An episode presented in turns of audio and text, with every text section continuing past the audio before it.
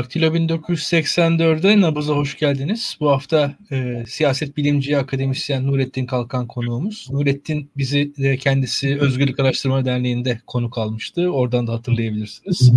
E, Nurettin'le daha ziyade biz e, sistem konuşmaya konuşarak başlayacağız ama oradan da yavaş yavaş güncele günümüze doğru geleceğiz. E, güncele günümüze gelmeden önce de tabii bugünden bahsetmek lazım. Bugün e, işte Burak Avuncu'ya yapılan bir saldırı var. E, siyasetin e, bu e, ne diyelim lümpen şiddetle yan yana gelmemesi gerekiyor. Bu tarz e, şiddetten Türkiye çok çekti. Umarız e, herkes aklını başına alır ve nispeten daha sakin olur diye um, e, dileyelim. ve şöyle söyleyelim. Bütün bunların yanında hani bu tabi bariz şiddete karşı bir tepki olacaktır ama onun yanında da bu şiddetin e, dışında da dilimize de yavaş yavaş birazcık daha fazla dikkat edelim diye ben genel olarak söyleyebilirim. E, bu tarz e, umarım yükselmez bu tarz hareketler. Dikkat etmek lazım. Yani ben korkarım böyle şeylerden Türkiye'de. E, yani salimen seçime gitmek lazım. Biraz da Türkiye'de buradan konuya geleceğim. Yani Türkiye'deki tüm Cumhurbaşkanlığı seçimleri tarihine bakarsak biz Cumhurbaşkanlığı seçimi yaklaştıkça artan bir şiddet de görülür. Yani Türkiye'de bakarsak 80 öncesindeki şiddetten bahsedilir. O aslında 80 öncesi Cumhurbaşkanlığı seçimine yaklaşırken yaşanan şiddettir. Ee, onun dışında bakarsanız e, 1900 işte 80'lerin sonlarında yine ufak tefek e, şiddet başlamıştır. 90'larda Özal'ın e, Cumhurbaşkanlığından e, vefatı öncesinde o sırada da Türkiye'de bir şiddetin yükselmesi yaşandı. Yine o seçim esnasında da 89'da da. Tabii tabii. Aynen öyle, aynen öyle. Yani e, tek tek bakılırsa, biraz dikkatli bakılırsa Cumhurbaşkanlığı seçimleri öncesinde genelde şiddet ne yazık ki artıyor. Yani burada bir korelasyon. E, birebir tabii bu, fen bilimi değil ama yani dikkatli bakan bir göz, dikkatli bir yakın tarih takipçisi. E, yani bu, bu işin takip edenler bilir yani açıkçası. Biraz da onu oradan geleceğim konuya. E, ve bu şunu da gösteriyor e, hocam. Şimdi sizin e, bu sisteme dair fikirleriniz var. Biraz bu sisteme dair eleştirileri, yanlışlıkları, eksiklikleri, şu anki sistemde çalışmayanları, çalışanları sizden sizle konuşarak başlayacağız. Ve oradan da yavaş yavaş bugüne geleceğiz. E, yani şunu şu, şunu gösteriyor Cumhurbaşkanlığı çok önemli. Yani Cumhurbaşkanlığı çok önemli ve Cumhurbaşkanlığı seçiminde seçimi gergin geçiyor Türkiye'de. Yani ben sessiz sakin geçen bir Cumhurbaşkanlığı seçimi görmedim şimdiye kadar. Ve öncesinde bir şeyler oluyor. Yani genelde sonrasında çok şey olmuyor Allah'tan. Türkiye öyle bir ülke değil ama öncesinde bir şeyler oluyor. Oldu hep şimdiye kadar. E, neler oldu neler olmadı siz tarihten de örnekler vererek anlatacaksınız diye tahmin ediyorum. Ve Cumhurbaşkanı'nın e, şöyle bir durum var. Neticede bir meclis olduğu zaman mecliste meclisin 300 e, vekil bir partiden 200 vekil bir partiden oluyor. Yani sonuçta bölünebiliyor ama Cumhurbaşkanı bir kişi. O bir kişi bir, bir taraftan olmak zorunda. Bir ve sıfır olarak ayrışıyor. E, ve bunun da yarattığı bir gerginlik olduğunu düşünüyorum ben. Şimdi Buradan size gelelim. Ee, ne dersiniz sistem tartışmaları bağlamında? Cumhurbaşkanlığı hükümet sistemi Türkiye'ye ne verdi ne vermedi ee, ve muhalefetin de şu anda bakarsanız beş benzemez yan yana beş benzemezi yan yana getiren şey aslında bu sisteme dair eleştirileri. Yani Cumhuriyet Halk Partisi'ni, İyi Parti'yi, Gelecek Partisi'ni, Deva Partisi'ni, Halkın Demokrasi, HDP'yi bir araya getiren şey nedir dersiniz? Ya bu bunlar etnik olarak, siyasal olarak, ülkü olarak, gelecek vizyonu olarak, ekonomik vizyon olarak yan yana değiller. Toplum vizyonu olarak yan yana değil bu partiler ama e, şu sistemden rahatsızlıkları bağlamında yan yanalar diye düşünüyorum ben. Yani sadece bu demin zikrettiğiniz beş parti değil ben Adalet ve Kalkınma Partisi içerisinde de bu sistemden duyulan rahatsızlığı çok kamuoyunda dile getirilmese de o kulis fısıltıları denirdi ya eskiden. Yani onları benim de kulağıma geliyor. Özellikle AK Partili bazı milletvekillerinin bu konudaki rahatsızlıkları kulis dedikodular olarak e, karşımıza çıkıyor. Bunlar yakında ayyukada çıkar diye düşünüyorum. Şöyle bence bu tartışmalara gelmeden önce hocam e, şunun bir tespitini yapmak lazım. Türk siyasi hayatı içerisinde Cumhurbaşkanlığın Cumhurbaşkanlığı makamının ağırlığına, siyasi ağırlığına bakmak lazım. Çok güzel ifade ettiniz. Bu beş partinin de ortak e, birleşeni, daha doğrusu ortak zemini güçlendirilmiş parlamenter sistem deniyor. İyi Parti zaten bir rapor yayınladı. İyileştirilmiş parlamenter sistem. Ona da değiniriz. Bu partilerin e, raporlarına değiniriz. Ben öncelikle şu hususun tespitiyle başlamak istiyorum. E, Türkiye'de belki tarihçiler bu şeye kız, e, tezimi onaylamayabilirler ama siyaset bilimi açısından Türkiye'deki ilk başbakan aslında merhum Adnan Menderes'tir. Şöyle ki gücün cumhurbaşkanlarından başbakanlara geçiş süreci Adnan Menderes'in başbakan olarak 14 Mayıs 1950 seçimlerinde Demokrat Parti'nin iktidara gelmesiyle başlamıştır. Onun öncesine gidelim. Demokrat Parti bildiğimiz gibi e, Ocak 1946 yılında kuruldu ve ilk kongresini de e, sanırım 7-11 Ocak tarihleri arasında 1947 yılında gerçekleştirdi. Burada Hürriyet Misakı adı altında bir aslında bugün rapor diye tercüme edebileceğimiz bir rapor yayınladı. Bu raporun üçüncü maddesinde şöyle diyordu. Fiili parti reisliği ile devlet reisliğinin aynı zat bir zat uhdesinde birleşmemesi esasının kabulü. Çünkü o döneme kadar bildiğimiz gibi Cumhurbaşkanları partiliydi. Mustafa Kemal Paşa da partiliydi, İsmet Paşa da partiliydi ama bu rahatsızlık yaratıyordu siyasi sistem içerisinde ve nitekim İsmet Paşa e, görselini attım. O ekrana gelebilir.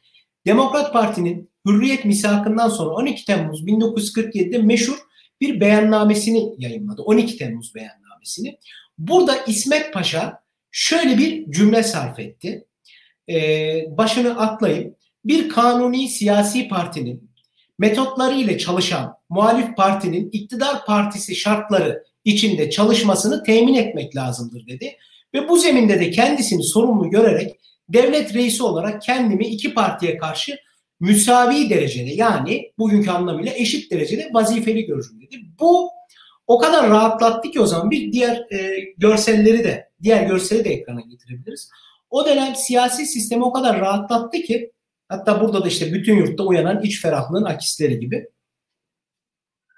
E, o kadar rahatlattı ki e, hem Demokrat Parti içerisinde hem de Cumhuriyet Halk Partisi içerisindeki radikaller daha şahin kanat tasfiye edildi. Mesela Recep Peker'in başbakanlıktan istifasının, başbakanlıktan ayrılışının ve onun yerine daha nispeten mutedil ılımlı diyebileceğimiz isim olan Hasan Sakan'ın da başbakanlık görevine tayini yine bu e, gelişmelerden sonra olmuştur. Bütün bunları niye anlattım? Burada aslında Türk siyasi sisteminin tarafsız bir cumhurbaşkanlığı olan ihtiyacı da o günkü olaylardan, o günkü siyasilerin demeçlerinden okunabilir. Yani partili olan bir cumhurbaşkanı İsmet Paşa kendisinin aslında e, seçim sürecine kadar işte iki partiye karşı da eşit derece davranma, iki partiye de aynı mesafede davranacağını taahhüt eden bir beyanname yayınlıyor. Bir beyan, bir deklarasyon deklarasyonda bulunuyor. Buradan şuna geleceğim. İşte tam dedim ya ilk aslında siyasi anlamda ilk başbakan Ahmet Davutoğlu e, pardon Adnan Menderes'tir. Son başbakan da bana göre Ahmet Davutoğlu'dur. E, Bilal Yıldırım değildir. Şimdi böyle bir e, şey perspektif çizdim. Çünkü neden? Daha sonra Cumhurbaşkanlığı makamı emekli askerler tarafından kullanılsa bile, emekli askerler Cumhurbaşkanı olsa bile siyasi gücün ağırlık merkezi başbakanlıktan yana olacaktı. Şimdi bu prensip olarak 1950'de Demokrat Parti ile birlikte belki de Demokrat Parti'nin parlamenter sistemimize en büyük katkısı budur. Çünkü parlamenter sistem zaten nispeten e, yürütme gücü daha zayıf, temsil gücü daha yüksek, gerektiğinde çatışan kurumları ve tarafları uzlaştırabilecek hakem rolünü e, haiz bir cumhurbaşkanı öngörür. Bu Demokrat Parti'nin belki de Türk siyasetine yaptığı en büyük katkılardan bir tanesidir. Demokrat Parti iktidardan devrildikten sonra 1961 Anayasası da zaten ilk defa Cumhurbaşkanının partisiz ve tarafsız olması gerektiğini bir maddeyle belirtmiştir. Bu da ilk defa 1961 Anayasası'nda e, siyaset e, siyasi hayatımıza girmiştir. Buradan şuna geleceğim. 82 hariç tutarsak 82 biraz özel bir durum. Aslında 1921 Anayasası'ndan 1961 Anayasası'na gelen süreç içerisinde zaten parlamenter sistemimizin o eksik ve nakıs yanlarını törpüleyici gelişmeleri görüyoruz. Yani burada bir tekamül görüyoruz. Ta 82 istisna tutuyorum. 2017 yılında yapılan anayasa değişikliği ise daha ziyade bu tekamülü hani biraz daha ileri götürmesi, parlamenter sistemi ileri götürmesi gerekirken tam aksi benim işte garabet diye yorumlanan zaten siyaset bilimciler bunun bir başkanlık sistemi olmadığı konusunda zaten e, bir ittifak halinde. Çok farklı bir noktaya götürdü. Şimdi o noktaya nasıl geldik? Benim bu diyeceklerime ekleyeceğiniz bir şey yoksa biraz da ondan bahsetmek istiyorum. Yani e, zaten Türkiye'de 46-50 arasında olan bitenin daha dikkatli açıkçası okunması gerekiyor. Orada e, iki parti arasındaki ilişkiler zaten oradaki demokrasinin nispeten tesisi, bu e, seçimlerdeki hakim denetim vesaire seçimlerin e, yapılabilmesinin sağlanması, seçimlerin e, partilere doğru hani en azından partilerin yaptığı bir seçimler haline gelişi Türkiye açısından önemli. E, o, o sırada kazandığı kurumlar var Türkiye'nin. Zaten biz mesela şu an konuşuyoruz. işte hani Yüksek Seçim Kurulu'nu vesairesinin onun kökeni orası. E, bunları bilerek okumak gerekir diye düşünüyorum. E, yani şu an çizdiğiniz perspektif çok makul. Ya e, açıkçası e, siz devam edin isterseniz. Ben daha Tabii. Burada ben bir şey daha söylemek istiyorum. Şimdi İsmet Paşa'nın 12 Temmuz beyannamesine değindim. Şimdi ortada bir fiili durum var. Hani Bahçeli'nin açıklamalarına geleceğim burada. Bir de hukuki durum var. İsmet yani siyasi fail İsmet Paşa kendisini hukuki duruma uymak zorunda hisseden bir açıklama yapıyor. Burayı tekrar edeyim. Siyasi fail hukuki duruma kendisini angaje etmeye, oraya indirgemeye, hukuki olana tabi olmaya çalışıyor. Oysa biz 2017'de ne gördük? Sayın Bahçeli bir açıklamada bulundu. Fiili olan durumu hukukileştirelim dedi. 2017'de gördüğümüz de şuydu. Hukuk siyasi faile uymak zorunda bırakıldı. Yani normal bir hukuk devletinde siyasi fail hukuka uyar, fail hukuka tabidir. Ama 2017'de öyle bir garabette Türkiye karşı karşıya kaldı ki hukuk siyasi faile uyduruldu. Buradan şuna geleceğim. Neden böyle bir sisteme Türkiye geçme ihtiyacı hissetti? Öncelikle şu noktada Tayyip Erdoğan'ın hakkını teslim etmek lazım. E, Tayyip Erdoğan seleflerinin durumuna düşmemek için çünkü Türk siyasi hayatının da cumhurbaşkanları ve başbakanlar arasındaki çetişme, çekişme bir nevi rutini gibidir. Onların e, akıbetlerine düşmemek için işte hem gerek e, merhum Demirel'in, merhum Özal'ın hem partiyi hem de e, Cumhurbaşkanlığını daha doğrusu devlet başkanlığını kontrol edecek bir sistem arayışına girdi. Bu noktada şuranın altını çizmek istiyorum. Tayyip Erdoğan'ın siyasi sistem içerisindeki bütün gücü Cumhurbaşkanlığı makamından değil parti içerisindeki gücünden kaynaklanır. Cumhurbaşkanlığı makamı daha önce bir partinin genel başkanlığını yapmış isimlere bir saygınlık kazandırır. Mesela e, merhum Özal Mesut Yılmaz'la arasının bozuk olduğu dönemde bile Anavatan Partisi içerisinde saygın bir roldeydi. Nitekim Demirel de Doğru Yol Camiası için saygın bir profildi. Abdullah Gül'ü hatırlayalım. Cumhurbaşkanı seçildi. E, e, tarafsız yani teknik olarak tarafsız bir cumhurbaşkanıydı kağıt üzerinde. AK Parti içerisinde bir saygınlığı vardı. Ama saygınlık ve güç aynı kavramlar değil. Yani benim altını çizmek istediğim husus bu. Cumhurbaşkanlığı makamı size bir saygınlık verir. Bir e, parti içerisinde muteber, makul işte adınız bir bilene çıkabilir, beyefendiye çıkabilir. Ondan sonra Abdullah Bey'e çıkabilir vesaire. Ama siyasi partinizi kontrol edemiyorsanız, genel başkan değilseniz o gücü tedricen yavaş yavaş yitirirsiniz. Tayyip Erdoğan bunun farkındaydı bence. Bu yüzden hem partiyi hem de devlet başkanlığını kontrol edecek bir sistem arayışına girdi Türkiye. Zaten bunun çıktısı da e, şu an Cumhurbaşkanlığı hükümet sistemi denilen sistem oldu. Bu noktanın altını tekrar çizeyim. O saygınlık ve güç arasındaki farkı bizim iyi idrak etmemiz lazım. Bir de bence e, bu tespitim de belki çok şey olabilir, tartışılabilir ama bu sisteme geçtikten sonra Türkiye'de kaldırılan makam aslında başbakanlık olmadı. Cumhurbaşkanlığı makamı kaldı. Yani parlamenter sistemdeki Cumhurbaşkanlığı, Cumhurbaşkanlığı biz hakem rolünde tarafsız Cumhurbaşkanlığı kaybettik. Bu neden çok önemli? Ee, galiba 2011 yılında bilmiyorum hatırlıyor musunuz? Belçika'da bir hükümet krizi çıkmıştı. Hükümet 500 küsür kurulamamıştı. Hatta Belçika bölünme tartışmalarının arifesindeydi. Orada kral müdahale etti. Anayasal monarşi biliyorsunuz orası. Yani kriz anlarında, kaos anlarında halkın güvenebileceği partiler üstü e, bir cumhurbaşkanının, bir makamın e, şeyi çok önemli. Tesisi, rejim içerisindeki varlığı çok önemli. İşte Türkiye bence e, yeni sistemle birlikte bunu kaybetti. Bu saygınlık ve güç e, tartışmalarına geçmeden önce şunu da vurgulamak istiyorum. Mesela şeyin ilk atandığını başbakan olarak Ahmet Davutoğlu'nun atandığı zamanları hayal edelim. Ya hayal edelim değil.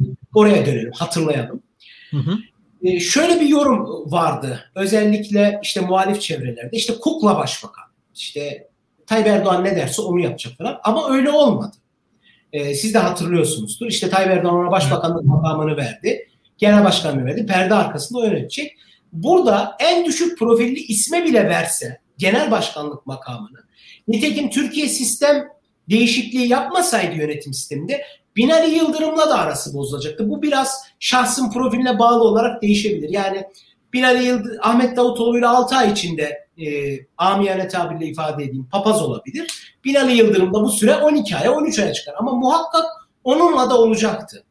O yüzden ben demin söyleyeyim ya son başbakan da bana göre Ahmet Davutoğlu. Çünkü başbakanlık makamının ağırlığını bilerek hareket etmeye çalışmıştır diyelim. Ee, Hocam bu, e, Şimdi Binali Yıldırım konusunda Binali Yıldırım e, meselesinde şunu hatırlatmak lazım. Orada Buyurun. sizin ilk tespitinizde. Binali Yıldırım'ın gelişinde zaten Tayyip Erdoğan'ın partideki etkinliği önemliydi. Yani partide hala çok etkili olması. Çünkü Tayyip Erdoğan'ın ya benim gördüğüm kadarıyla hatta biraz amiyane bir analiz yapalım.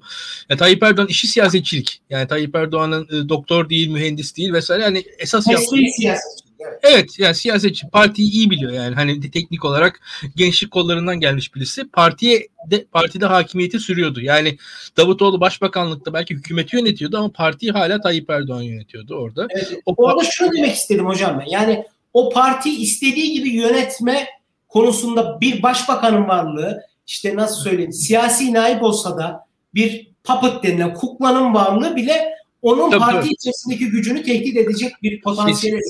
Ya kesinlikle kesinlikle eder. Zaten aslında etmesi de gerekir. E, çünkü Abi. şöyle bir şey var.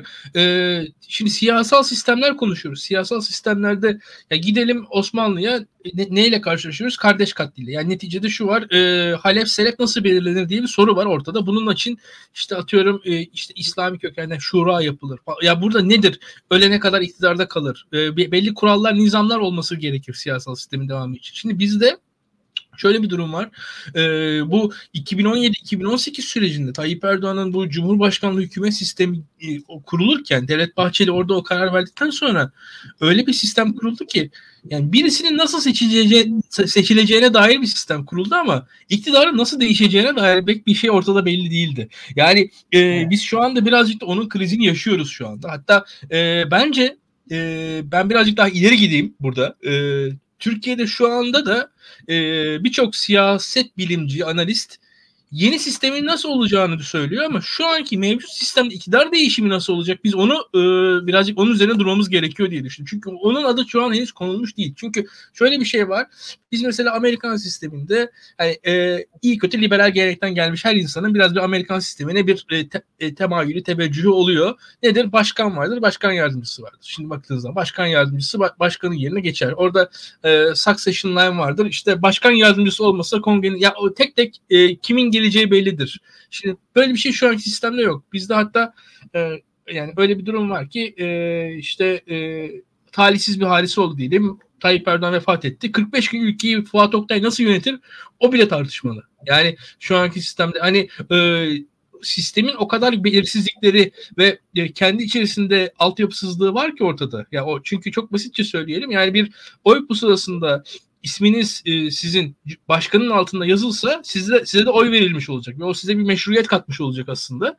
Ama şu an öyle birisi yok sistemin içerisinde mesela.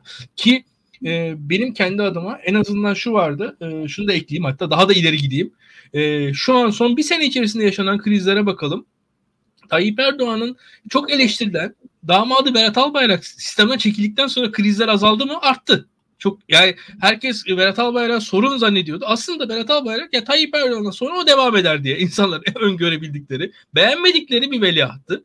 Şu an o da kalmadı ortada sistemin devamına dair hiç fikrimiz yok bizim şu anda. Yani Süleyman Soylu pasifize oldu. Berat Albayrak gitti. Ya, sistemin geleceğine dair hiç kimsenin bir fikri yok. Ve şu anda e, sizin dediğiniz şey şurada çok önemli.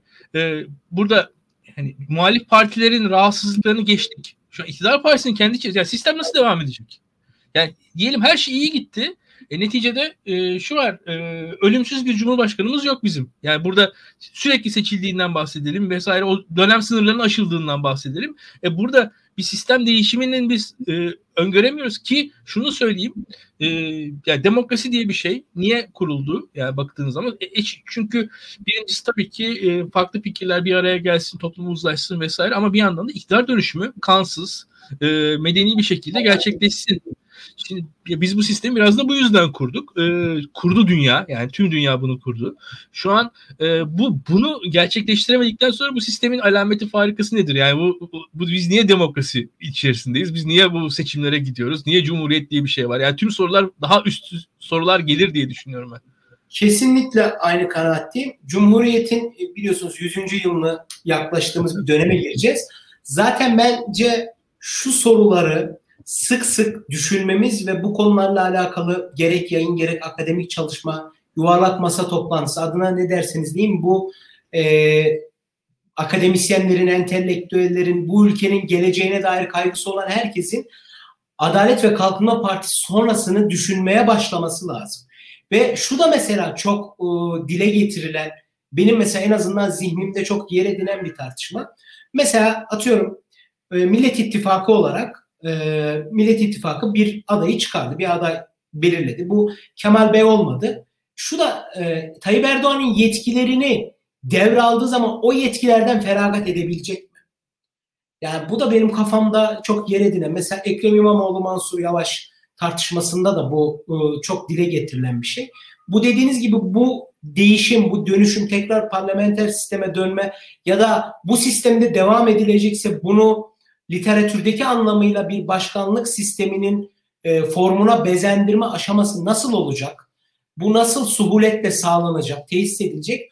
Bu benim zihnimde de bir, ciddi bir soru işareti açıkçası. Burada kendi kendime ne düşünüyorum? Bence e, seçimden önce yani Türkiye bir erken seçim kararı alırsa ya da seçimler vaktinde yapılırsa bütün muhalefet partilerinin daha doğrusu Millet İttifakı'nın en azından şu noktada diğer bütün vaatlerden ekonomik atıyorum işte e, siyasi yani ülkenin kronik sorunlarından önce şu noktada bir taahhüt vermeleri lazım. Sistemin geleceği, müstakbel ahvali nasıl olacak? Türkiye hangi yönetim sistemiyle yönetilecek? Ya bu noktada ben keskin bir uzlaşma bekliyorum. Ve bir e, seçmenlere en azından e, Adalet ve Kalkınma Partisi sonrasını düşünen seçmenlere bir taahhüt, bir yol haritasının çizilmesi lazım diye düşünüyorum. Peki bu çok olanaklı mı? Bence özellikle İyi Parti ve Cumhuriyet Halk Partisi önderliğinde bu e, yapılabilir diye düşünüyorum. Bilmiyorum katılıyor musunuz? Mikrofon hocam sanırım sesinizi. Yani İyi Parti, Cumhuriyet Halk Partisi anlaşabilir. Doğru. Yani ben orada o partilerin zaten hem seçmenleri de anlaşır. E, üst kademesinde de anlaşacaklarını düşünüyorum. Ancak şöyle bir şey var. E, birincisi hani siyaset iki taraflı. Karşı tarafta Adalet ve Kalkınma Partisi ne olursa olsun işte hani en iyimser senaryo içerisinde muhalefet açısından diyelim Adalet ve Kalkınma Partisi %30 oy aldı. Yani %30 oy aldığını düşündüğünüz zaman %30 parlamentoda ciddi bir güç. %30 oy almış bir partiye karşı parlamentoda bir hareket etmek de kolay değil. bir, bir diğer tarafı e, yani sizin bizim diyelim bu e, sisteme dair, ilkelere dair, demokrasiye dair kaygılarımızı seçmen ne kadar paylaşıyor? Yani şu an Türkiye'nin aydın entelijansiyası evet yani bu konuda dertli. Doğru biz şu an bu yayınları yapıyoruz ama yani bir de açık konuşalım. Sokaktaki insanın bir numaralı derdi ya Türkiye'deki Cumhurbaşkanlığı sistemi bence değil. Yani orada o kadar da e, bu sistemden dolayı yaşananlardan dertliler. Doğrudur. İşte atıyorum mesela nedir? Orman yangınlarıdır. İşte atıyorum İran sınırında yaşananlardır. İşte veyahut da e, işte selde yaşananlardır. İşte atıyorum Merkez Bankası Başkanlığı'nın yaşadıklarıdır. E, bir anda bakanların görevden alınmasıdır vesaire bu tarz e, kurumsallığın yıkıldığı anlardan vatandaş belki rahatsız olabilir ama Vatandaşın bir numara derdi bu da değil. Ya. Şimdi neticede seçimde oy alarak, oy alarak kazanılan bir şey ve halkı ikna etmek gerekiyor. Halkı e, bu, bu şekilde motive edilebilir mi? Zor görüyorum. Ha bu şu demek değil. E, esasında sizin dediğinizde de şöyle bir avantajı var. Adalet ve Kalkınma Partisi'nin içerisindeki e, bir geniş e, ittifak da aslında yani Erdoğan'ın altında sizin düşündüğünüzde benzer kaygılara sahip. Yani or, orada da e, yani sistemin sürmesinden çünkü yani sizin dediğinizin alternatifi de sürekli bir çatışma hali. Yani baktığınız zaman yani bundan sonra da ve o, o, o, o yüzden de bir kaygı orada da var. Onu da görebiliyorum ben yani açıkçası onu da söyleyeyim. Ama halkı bu işin içerisine nasıl koyarız, nasıl yaparız o planlar zor geliyor. Yani kolay bir iş Ama değil. Doğru söylüyorsunuz evet. Önemli bir kesimin gündemi. Bizim gündemimiz de aslında öyle ekonomi. Yani gündelik hayatımıza dokunan ne bileyim markete gittiğimiz zaman bir şeyi pahalı gördüğümde benim aklıma ilk Cumhurbaşkanlığı sistemi gelmiyor. Yani fiyat arttığında açık konuşalım. Yani ekonomiyi daha yakinen e, hayatımızın her alanında, anında hissediyoruz. Ama bu noktada şöyle bir şey geldi aklıma. Bizim konuştuğumuz bu değerler, işte siz yayın yapıyorsunuz Daktilo 1984 olarak. Biz ÖAD olarak yayınlar yapıyoruz. Türkiye'deki sol camia yayınlar yapıyor. ortak bir değerler, işte ne, ne bileyim hukuk devleti, demokrasi, şeffaflık, liyakat. Bunlar bir değer olarak bence değil bir ihtiyaç olarak bunları seçmene anlatılabilir. Ya bunların bir ideal olduğu olmasından ziyade ya bizim öncelikli ihtiyaçlarımız bu. Hani seçmenin yüzde kaçı bunlarla aynı kanattedir? Ben şunu demiyorum yani muhalefet bütün mesaisini bıraksın. Millet İttifakı bütün mesaisini bıraksın.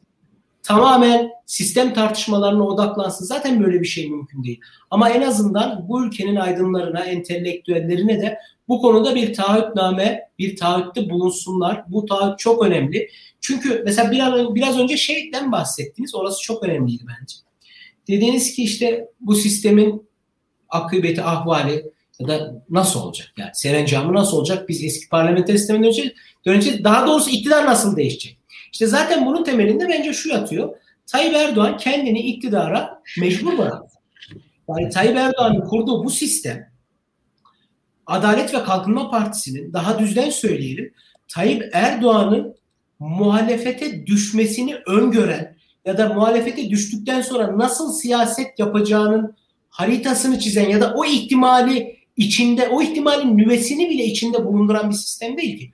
O yüzden ben şunu söylüyorum. Tayyip Erdoğan bugün Türk siyasi hayatında bir Alparslan Türkeş gibi, bir Necmettin Erbakan gibi, bir Bülent Ecevit gibi, bir Süleyman Demirel gibi anılma fırsatını e, kaybetti bu sistem yüzünden. Bu sistem sayesinde mi diyeyim yüzünden mi artık o kendi e, anlayışına göre değişir. Şöyle ki bu liderlere baktığımız zaman muhalefetteyken bile nasıl siyaset yapacaklarını bilen, ona göre aksiyonlar alan, ona göre siyasi söylemlerini geliştiren hareketlerin liderleriydi. Ama Tayyip Erdoğan mesela 7 Haziran'da çok büyük bir fırsat kaçtı. Size olan yayınımızda da zaten bunu konuşmuştuk. Hı hı. Eğer Adalet ve Kalkınma Partisi muhalefette kalabilseydi e, çok güçlü bir muhalefet olacaktı. 258'di galiba hala 550 idi milletvekili sayısı o zaman. E, ve e, çok daha kuvvetli bir şekilde iktidara gelebilecekti. Ama iktidarı kaybetmeye bir tahammül yok. Yani iktidara kendini mecbur bıraktı. Zaten bu mecburiyet yüzündendir ki milli şef sisteminin, İsmet Paşa sisteminin kötü bir kopyası olan bir hükümet sistemiyle şu an karşı karşıyayız. Biraz da şeyden konuşalım istiyorsanız. Bu hükümet sisteminin, Cumhurbaşkanlığı hükümet sisteminin işte bize ne verdiği ne vermediği. Şimdi ben şöyle düşünüyorum. Bu sisteme geçmeden önce seçmene vaat edilen temel bir şey vardı. Yani istikrar. Zaten AK Parti 2002'den beri AK Parti'nin üzerinde durduğu kavramlardan bir tanesi. Artık koalisyonlara mecbur kalmayacak ülke falan. Ama şu an aslında Türkiye hali hazırda en azından yasama özelinde bir koalisyonla yönetiliyor. O da AKP ve MHP koalisyonu, Cumhur İttifakı. Ve tuhaf olan, anomalik olan durum şu. MHP'nin Tayyip Erdoğan'a verdiği ya da AK Parti demeyelim Tayyip Erdoğan'a verdiği siyasi destek karşılığında iktidardan ne gibi ve nasıl bir hisse aldığı belli değil. Yani bu çok muğlak ve müpem. Halbuki koalisyon parlamenter sistemde siz eğer bir iktidarı destekliyor yani seçimde birinci çıkan parti destekle, desteklemiş olsaydınız onun karşılığında hangi bakanlığı, hangi kurumu e, yöneteceğiniz, hangi kurumların size verileceği en azından kağıt üzerinde belliydi. Ya şimdi siz de şöyle şeyler duymuyor musunuz? Atıyorum X kurumu burası MHP'lilerin.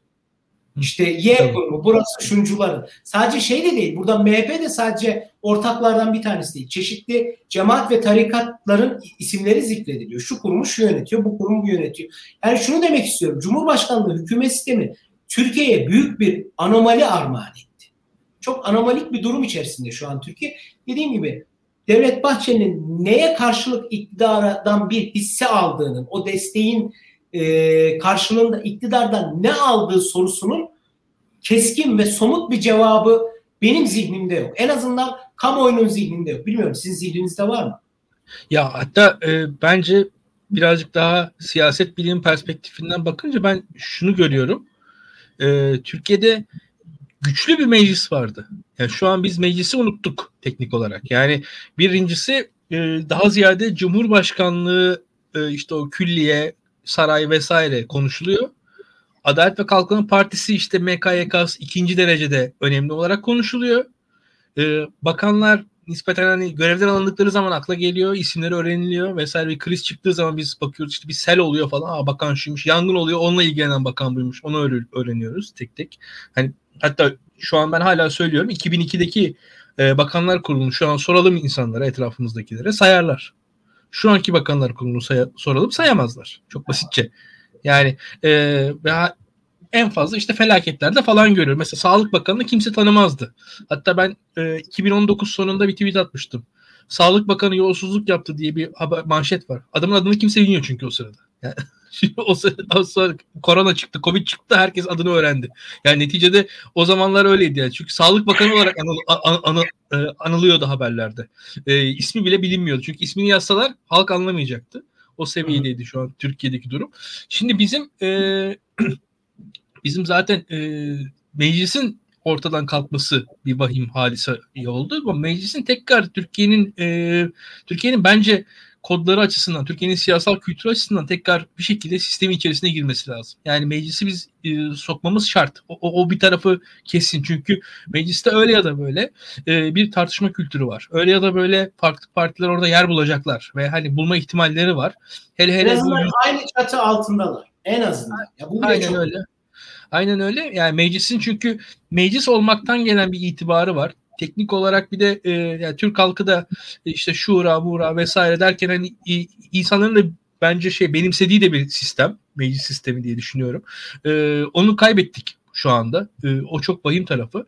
E, bizim Adalet ve Kalkınma Partisi e, kendi içerisinde Tayyip Erdoğan e, dediğim gibi e, bir meclis siyasetçisi de değil mesela. Atıyorum hani Muharrem İnce'nin adı Vekil İnce diye Twitter'da alınmıştı. Evet, evet, ya şimdi ya çünkü ya gerçekten de Muharrem İnce'nin de mesela işi milletvekilliğidir aslında. Yani o en iyi yaptığı iş odur milletvekilliğidir.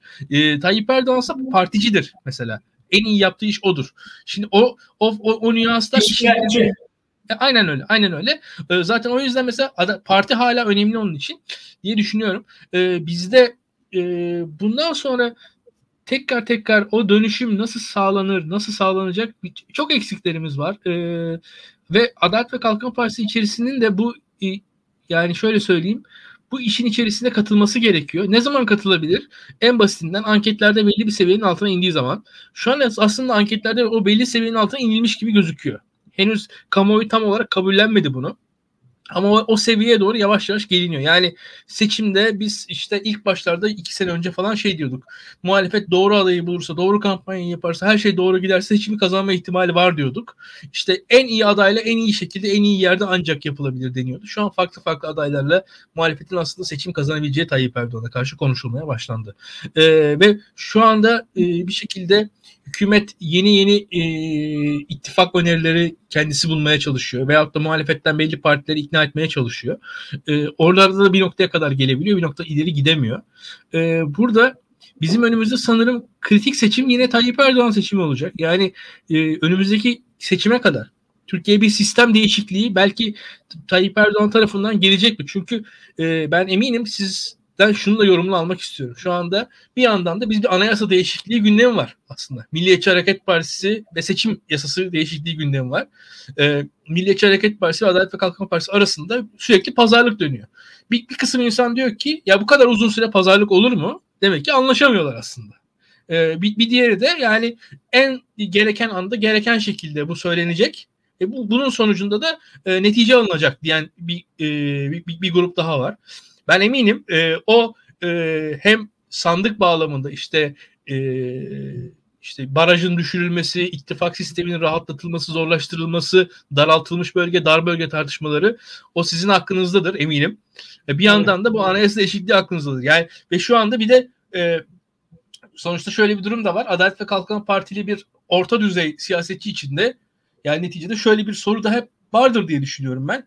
Yarın bir gün %49 oy alıp Cumhurbaşkanlığını kaybedip sistemden tamamen dışlanmaktansa %30 oy alan bir partinin e, bir vekili olarak e, güçlü bir mecliste güçlü bir grubun üyesi olmak mı? Sorusu da bir ortalama Adalet ve Kalkınma Partisi aklına gelebilir. Kesinlikle aynı kanaatteyim İlkan Hocam. Şöyle ama son cümlenin şuydu ya %49 alıp siyasi sistemin dışarısında kalmak. Zaten bence e, Tayyip Erdoğan'ın eğer seçim sisteminde işte daraltılmış bölgeye e, o tür yani seçim sistemi değişmezse eğer Tayyip Erdoğan Cumhurbaşkanlığını kaybettiği anda bence bu biraz iddialı olabilir, yanılabilirim. Siyasi sistemin dışına itilmiş olacak. Cumhurbaşkanlığını kaybettiği anda. Biraz önce dedim ya çünkü zaten çizdiği çerçeve tamamen iktidarda kalmaya mahkum bir siyasetçinin e, bir siyasi e, sistemdi. Yani Cumhurbaşkanlığı hükümet sisteminde Tayyip Erdoğan'ın bu sistem içerisindeki konumu tamamen iktidara mecbur bir Tayyip Erdoğan figürü bize e, sunuyordu. O yüzden dediğiniz gibi yüzde 49'un dışında kaldığı, yüzde 49'da Cumhurbaşkanlığı seçilemediği an AK Parti'nin ahvali ne olur? Onu bilemiyorum ama Tayyip Erdoğan tartışılmaya daha yüksek seçti de AK Parti içerisinde de tartışılmaya başlanacaktır. Aslında e, şeyi de şöyle okumak lazım. Birazdan sizin söylediğiniz yere geçeceğim, geleceğim sistem tartışmalarına ya da seçim yasasındaki değişikliklere. E, gerek Gelecek Partisi'ni, e, gerek e, Deva Partisi'ni ve bir de İyi Parti'yi aslında ben e, yazımda, bir yazımda 7 Haziran'ın çocukları olarak değerlendirmiştim.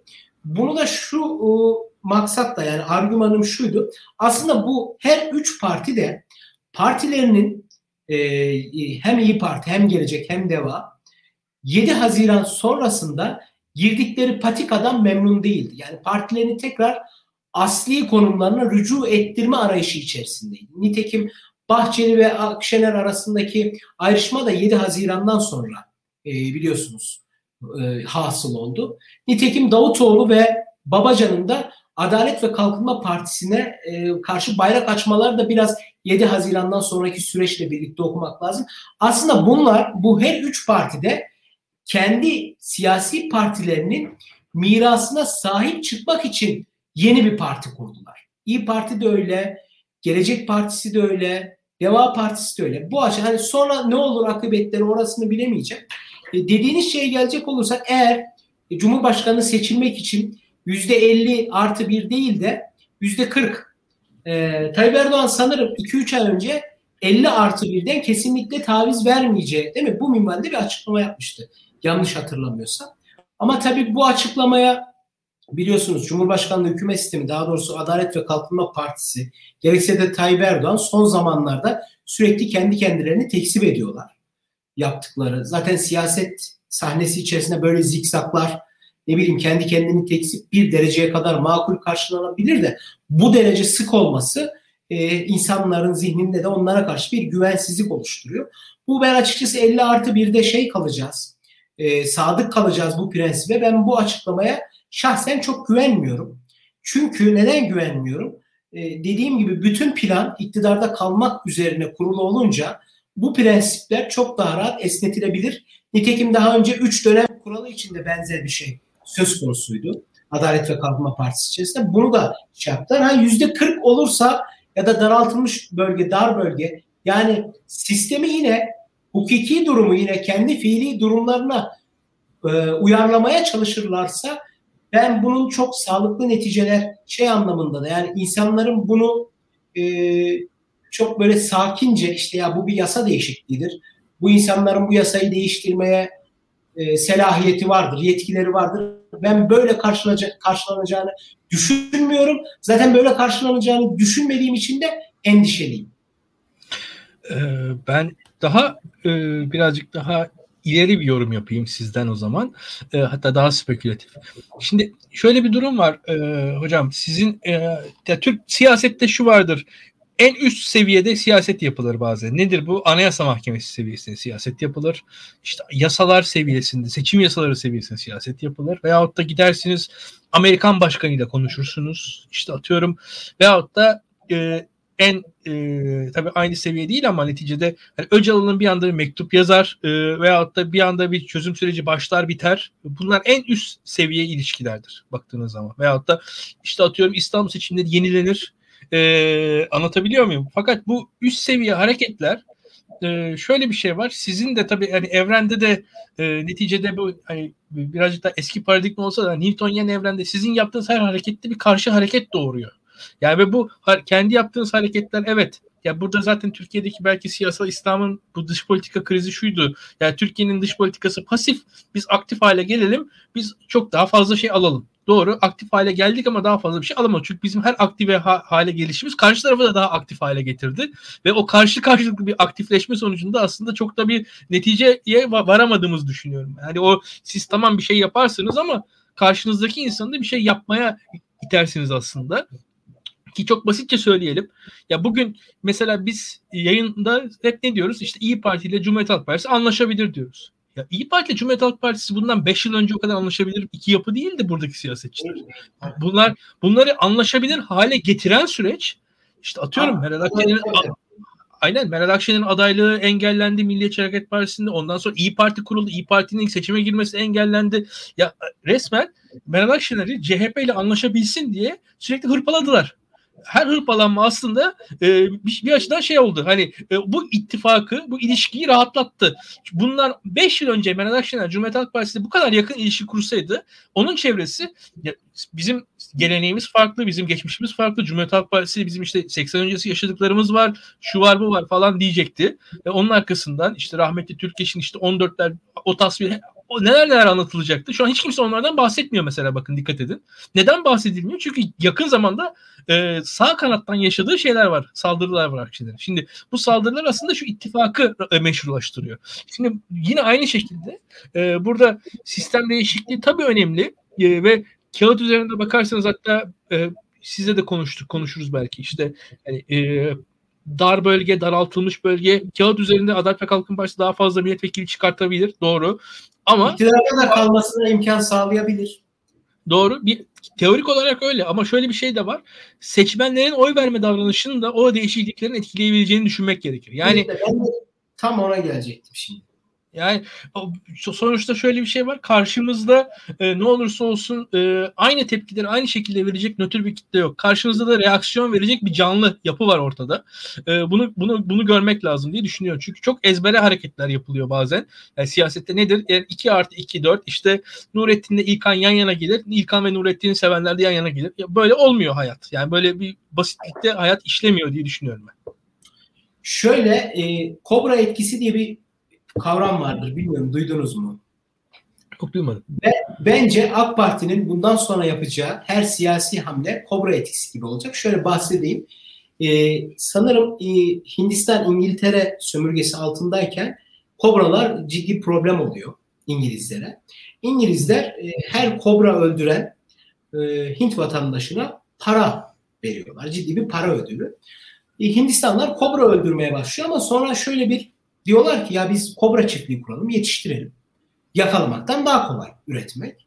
Kobra çiftlikleri üretmeye başlıyorlar. Bu sefer artık İngilizler bu işin e, hani amiyane tabirle cılkının çıktığını anlıyor, suistimal edildiğini. Şeyi kaldırıyorlar para ödülünü.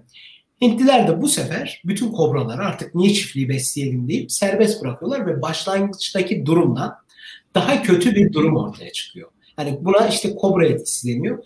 Bence AK Parti'nin bu saatten sonra yapacağı iktidarda kalmak adına yapacağı her türlü hamle AK Parti'nin aleyhine bir kobra etkisiyle sonuçlanacak. Yani çok uzağa gitmeye gerek yok. 7 Haziran 2015'ten sonraki siyasi hamleler biraz önce mesela çok güzel e, değindiniz. Meral Akşener diye bir figürü, bir lider, potansiyel bir lideri bizim siyasi gündemimize ya da ne bileyim siyasi hayatımıza sokan 7 Haziran oldu.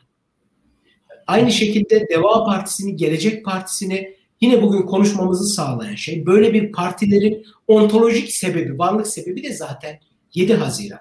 Ya bugün ne yaparsa yapmaya çalışsın. Dikkat edin zaten şurası çok mühim hocam. Mesela e, 2018 2018 yılında seçimler yapıldı değil mi? Cumhurbaşkanlığı evet. seçimleri 24 Haziran seçimleri. Zaten sıkıntı şu.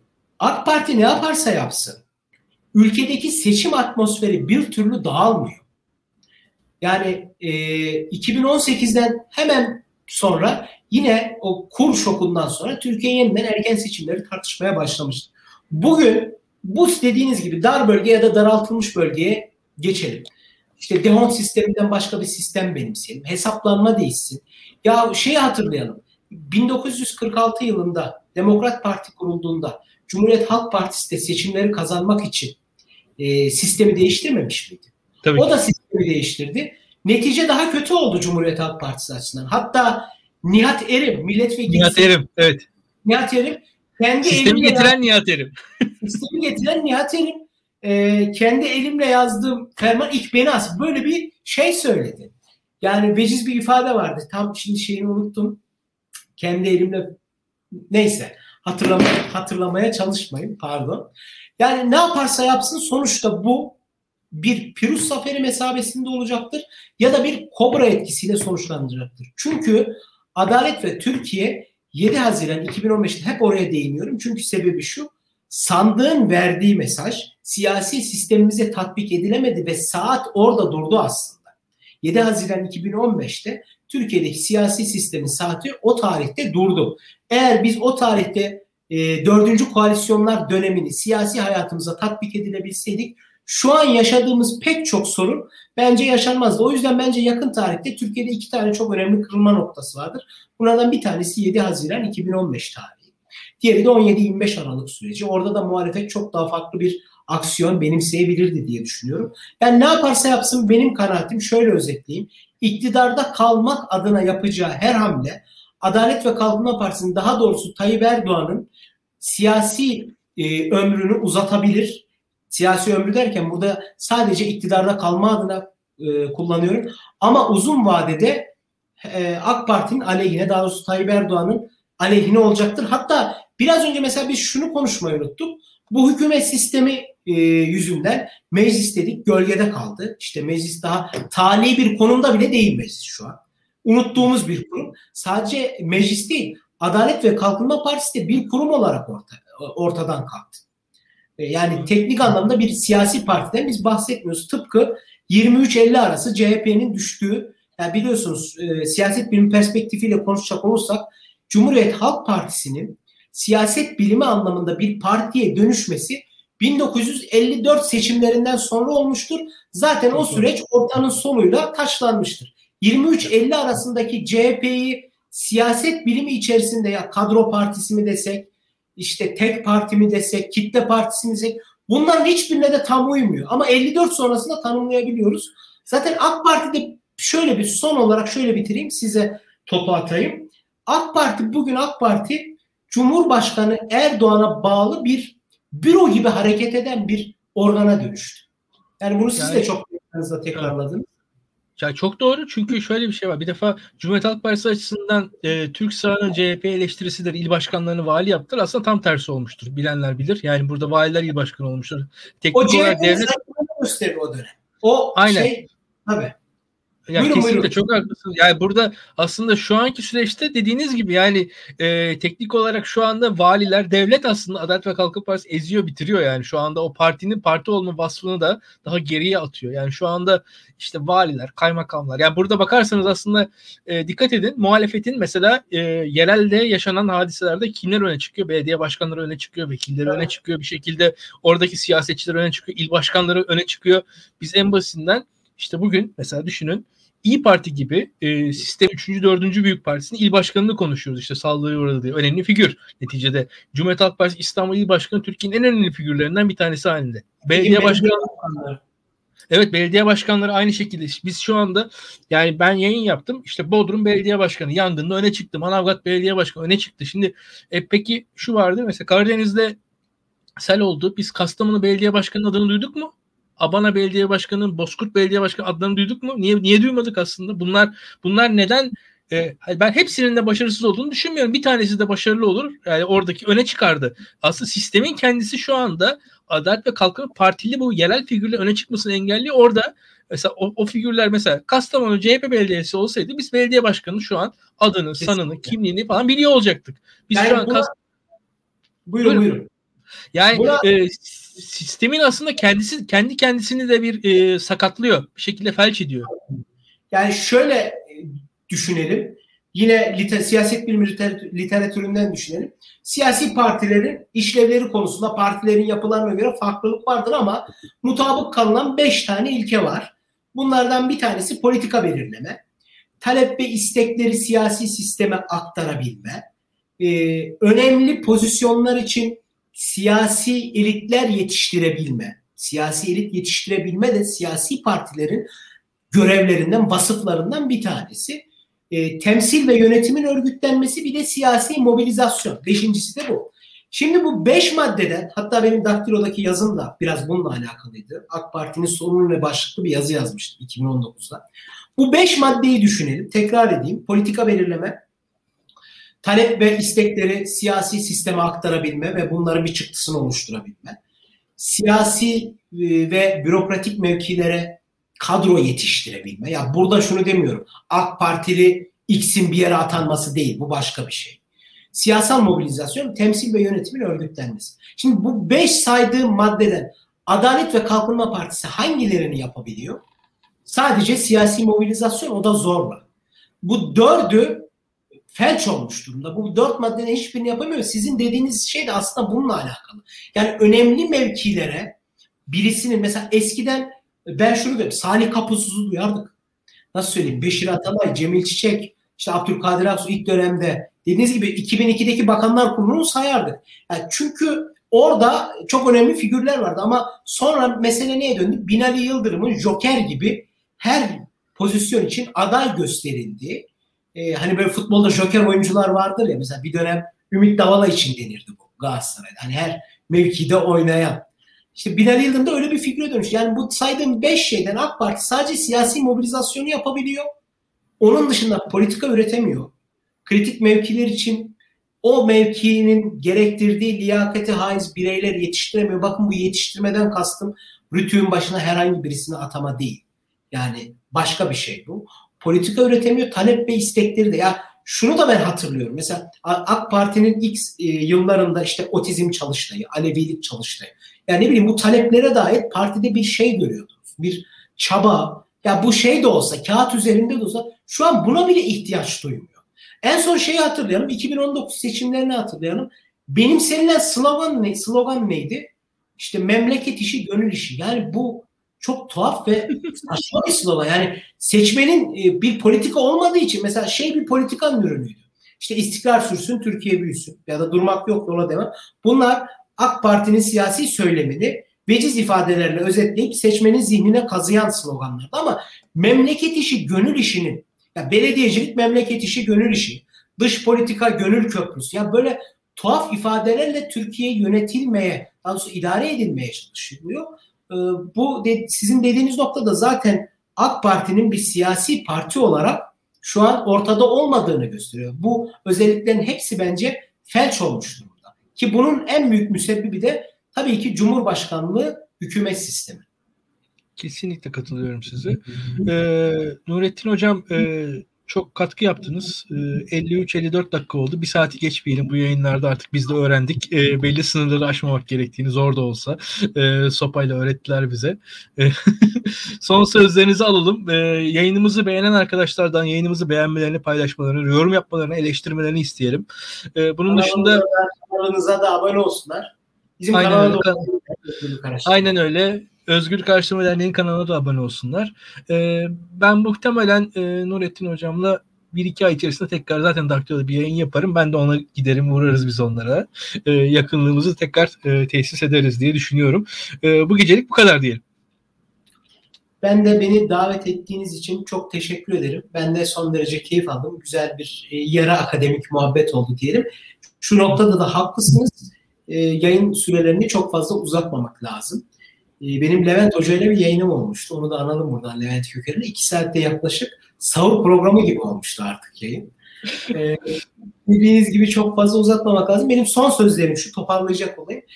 Bizim özellikle e, post AKP dönemini o döneme dair spekülasyonları daha yüksek sesle yapmamız lazım. Çünkü 2022-23 arası çok önemli kırılmalara gebe ve bu noktada da STK'lar olarak e, sistemin içerisindeki kilit kurumlar olan özellikle muhalefetteki siyasi partilerle bu konuda e, yakın mesai, onları etkilemeye yönelik çalışmalar yapmamız gerek diye düşünüyorum. Ben de herkese iyi akşamlar diliyorum. İyi yayınlar. Teşekkürler. İyi akşamlar.